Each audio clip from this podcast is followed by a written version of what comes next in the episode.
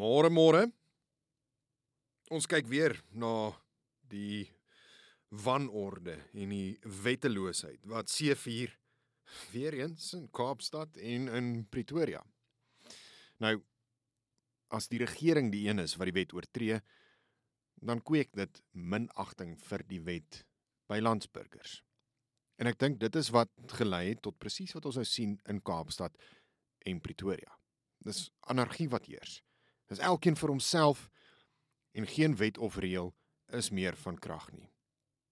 Maar die groot teenkanting wat die vakbond in Pretoria en die taxi vereniging in in Kaapstad, Santaku ervaar is van regeringskant af. 'n Regering wat probeer om wet en orde te handhaaf, om wetteloosheid uit die weg te ry.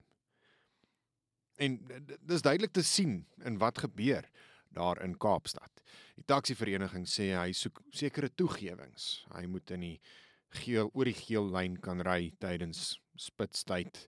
Uh onpadwaardige voertuie moet uh oorgesien word en toegelaat word om op die paaie te ry en hulle moet voortgaan om uh te kan hulle uh, besigheid doen soos wat hulle nou al vir die afgelope ruk doen. En ek dink is baie belangrik om te sê soos wat hulle nou al die afgelope ruk doen, want dit is juist daardie regering wat die wet oortree wat nie die wet toepas nie. Ons ons sit regtig met 'n regering wat die wet oortree. 'n Spul korruptes wat op duistere maniere hulle self verryk en uh hulle self ook vriende dan aanstel om daardie selfverryking voort te sit. Waarom? Sal jy dan uh binne die wet wil optree as die leiers van die land nie binne die wet optree nie. Nou het ons leiers in Kaapstad en hier in Pretoria wat wil kyk of ons nie dalk binne die wet kan optree nie of ons wet en orde kan herstel. En hier is waar die koppe stamp nou vandaan kom. Jou taxi vereniging, jou vakbond wat hou van die anargie, wat daarin floreer.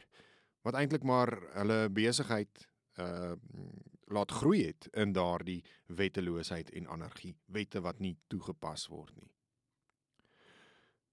So die groot vraag nou is wie gaan eerste toegee? Wie gaan die wit vlag hys? En op die oomblik uh, lyk dit nie of Santaku wil nie, dit lyk nie of Samwu wil nie. Dit lyk nie of die Wes-Kaapse regering wil nie en dit lyk nie of die Tshwane Metro wil nie en 'n pleintjie vir die Tshwane Metro en vir die Wes-Kaapse regering wat probeer om wet en orde te handhaaf. Hier in die Tshwane Metro is daar nou uh mense afgedank. 38 van hulle is afgedank van hierdie werkers wat deelgeneem het aan die onwettige staking. Daar is hierdie waarskuwings gemaak en daar is deurvoering gegee aan hierdie waarskuwings wat gemaak is. En hulle moet aanhou om dit te doen. Erns moet daarso hardhandig opgetree word teen mense wat wetteloos optree. Mense wat binne die wet optree, ja, daarmee stem ek saam. Jy hoef nie hardhandig teen hulle op te tree nie. Maar as jy wetteloos optree, dan moet daar definitief hardhandig teen jou opgetree word. Dan moet jy afgedank word as jy ander mense intimideer of geweld pleeg of uh hulle gesinne intimideer. As jy mense uit taksies uit skoolkinders uit taksies uitjaag om jou sin te kry. As jy ander voertuie aan die brand steek, mense met klippe bestook, busse aan die brand steek, net omdat jy jou sin wil kry. Dis wetteloos en daar moet hardhandig teen hulle opgetree word. Ek het gesê dat JP Smith, die burgemeesterskomitee lid vir gemeenskapsveiligheid, was reg toe hy gesê het vir elke bus wat brand, moet ons 25 taksies skud. Ek het gesê hy moet eintlik verder gaan, skud 50 van hulle. Moenie net daar stop nie. Wees hardhandig wanneer jy wet en orde wil handhaaf. Daar's niks verkeerd daarmee om in 'n land te woon waar wet en orde gehandhaaf word nie. Inteendeel, ek dink ons almal wil in so 'n land woon. So daar is 'n klein ligpunt in hierdie oorlog wat gevoer word tussen die Wes-Kaapse regering en die taksivereniging, tussen die Tshwane Metro en die stakende Samwo werkers. Is dat tog is daar iemand wie se erns is die kop nog reg opgeskroef. En en word daar vir ons gesê dat hierdie goeders nie toegelaat gaan word nie. In die verlede dink ek was dit die geval dat jy weet die vakbonde het maar probeer om 'n uh, bietjie van 'n armdruk vertoning te hou. Dit was dit was eintlik maar teaterspel. As hulle gesê het goed, ons gaan staak, dan het hulle vir so 'n week lank gestaak en dan het daar een of ander politikus eers van van buite af ingekom en hy was nou die die ridder op die wit perd wat nou hierdie hele ehm um, uh, geskil, salaris geskil in baie gevalle bemiddel het. En dan het hy die geleentheid gehad om om dit nou reg te stel. Om nou die een te wees wat sê goed, ons het hierdie staking beëindig. Kyk hoe goed is ons. En die vakbonde aan die ander kant kry nou natuurlik weer genoeg media dekking en en hulle wys en hulle kan wys aan hulle lede, dit is wat ons vir julle reg gekry het. Dis eintlik maar net 'n 'n groot teaterspel gewees want daar was eintlik geen teenkanting nie. Hulle was toegelaat om daardie week lank of 3 dae lank te staak. En dan van die regeringskant af uh was daar altyd die voorneme om tussen beide te tree en, sê, en te sê goed, ons sal julle help.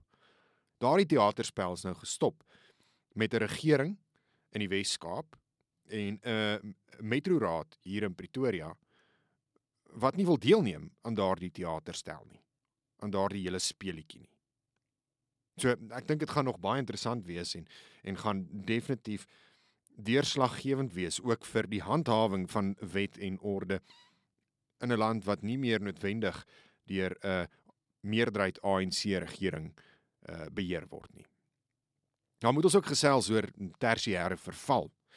Dit wat tans gebeur by Unisa. Die uh universiteit het 7 dae gegee om te verduidelik hoekom hy nie onder administrasie geplaas moet word nie. Dit het ook natuurlik anders alles gebeur onder uh die beheer van 'n ANC regering. ANC regering wat ehm um, ook sy transformasie teikens probeer deurvoer by plekke soos universiteite wat onwyse aanstellings, ondeurdagte aanstellings gemaak het by universiteite en ek dink Unisa is 'n baie goeie voorbeeld van wat wag op 'n universiteit wat uh eintlik maar ook net kaders ontvang in sekere hoë poste.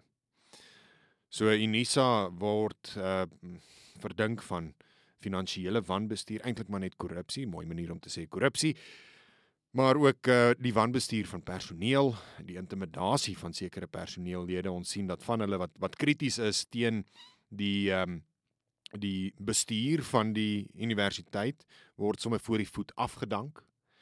En nou is dit uh, op so 'n punt waar 400 000 studente se universiteit onder administrasie geplaas moet word. Die grootste universiteit in Suid-Afrika word onder administrasie geplaas. Dis nie uh, enige goeie teken vir tersiêre onderrig in Suid-Afrika nie en ek dink nie Unisa is die enigste universiteit wat sulke tersiêre verval ervaar nie. En dan net laastens die EFF het vroeër die week geweier om 'n onderneming te gee dat hy nie wit mense sal doodmaak nie. Dit is nou natuurlik uh na die hele herrie oor die sing van die lied Kill the Boer. Die EFF wat sê nee, dit is net 'n simboliese lied en dit moet nie letterlik opgevat word nie. Maar goed, as ons dit nie letterlik moet opvat nie en as dit net verwys na uh, jy weet uh, bevrydingslied en uh dat dit simbolies is van die onderdrukker, waarom sal jy dan nie so 'n onderneming gee nie? Ek verstaan dit nie heeltemal nie. As jy nie vra dat wit mense doodgemaak moet word nie, dan kan jy mos nou maar so 'n onderneming gee. Ek weet nie waarom jy nie so 'n onderneming sal gee nie dink in elk geval dit is in 2023 nie moreel regverdigbaar om enigsins nog die lied te sing nie.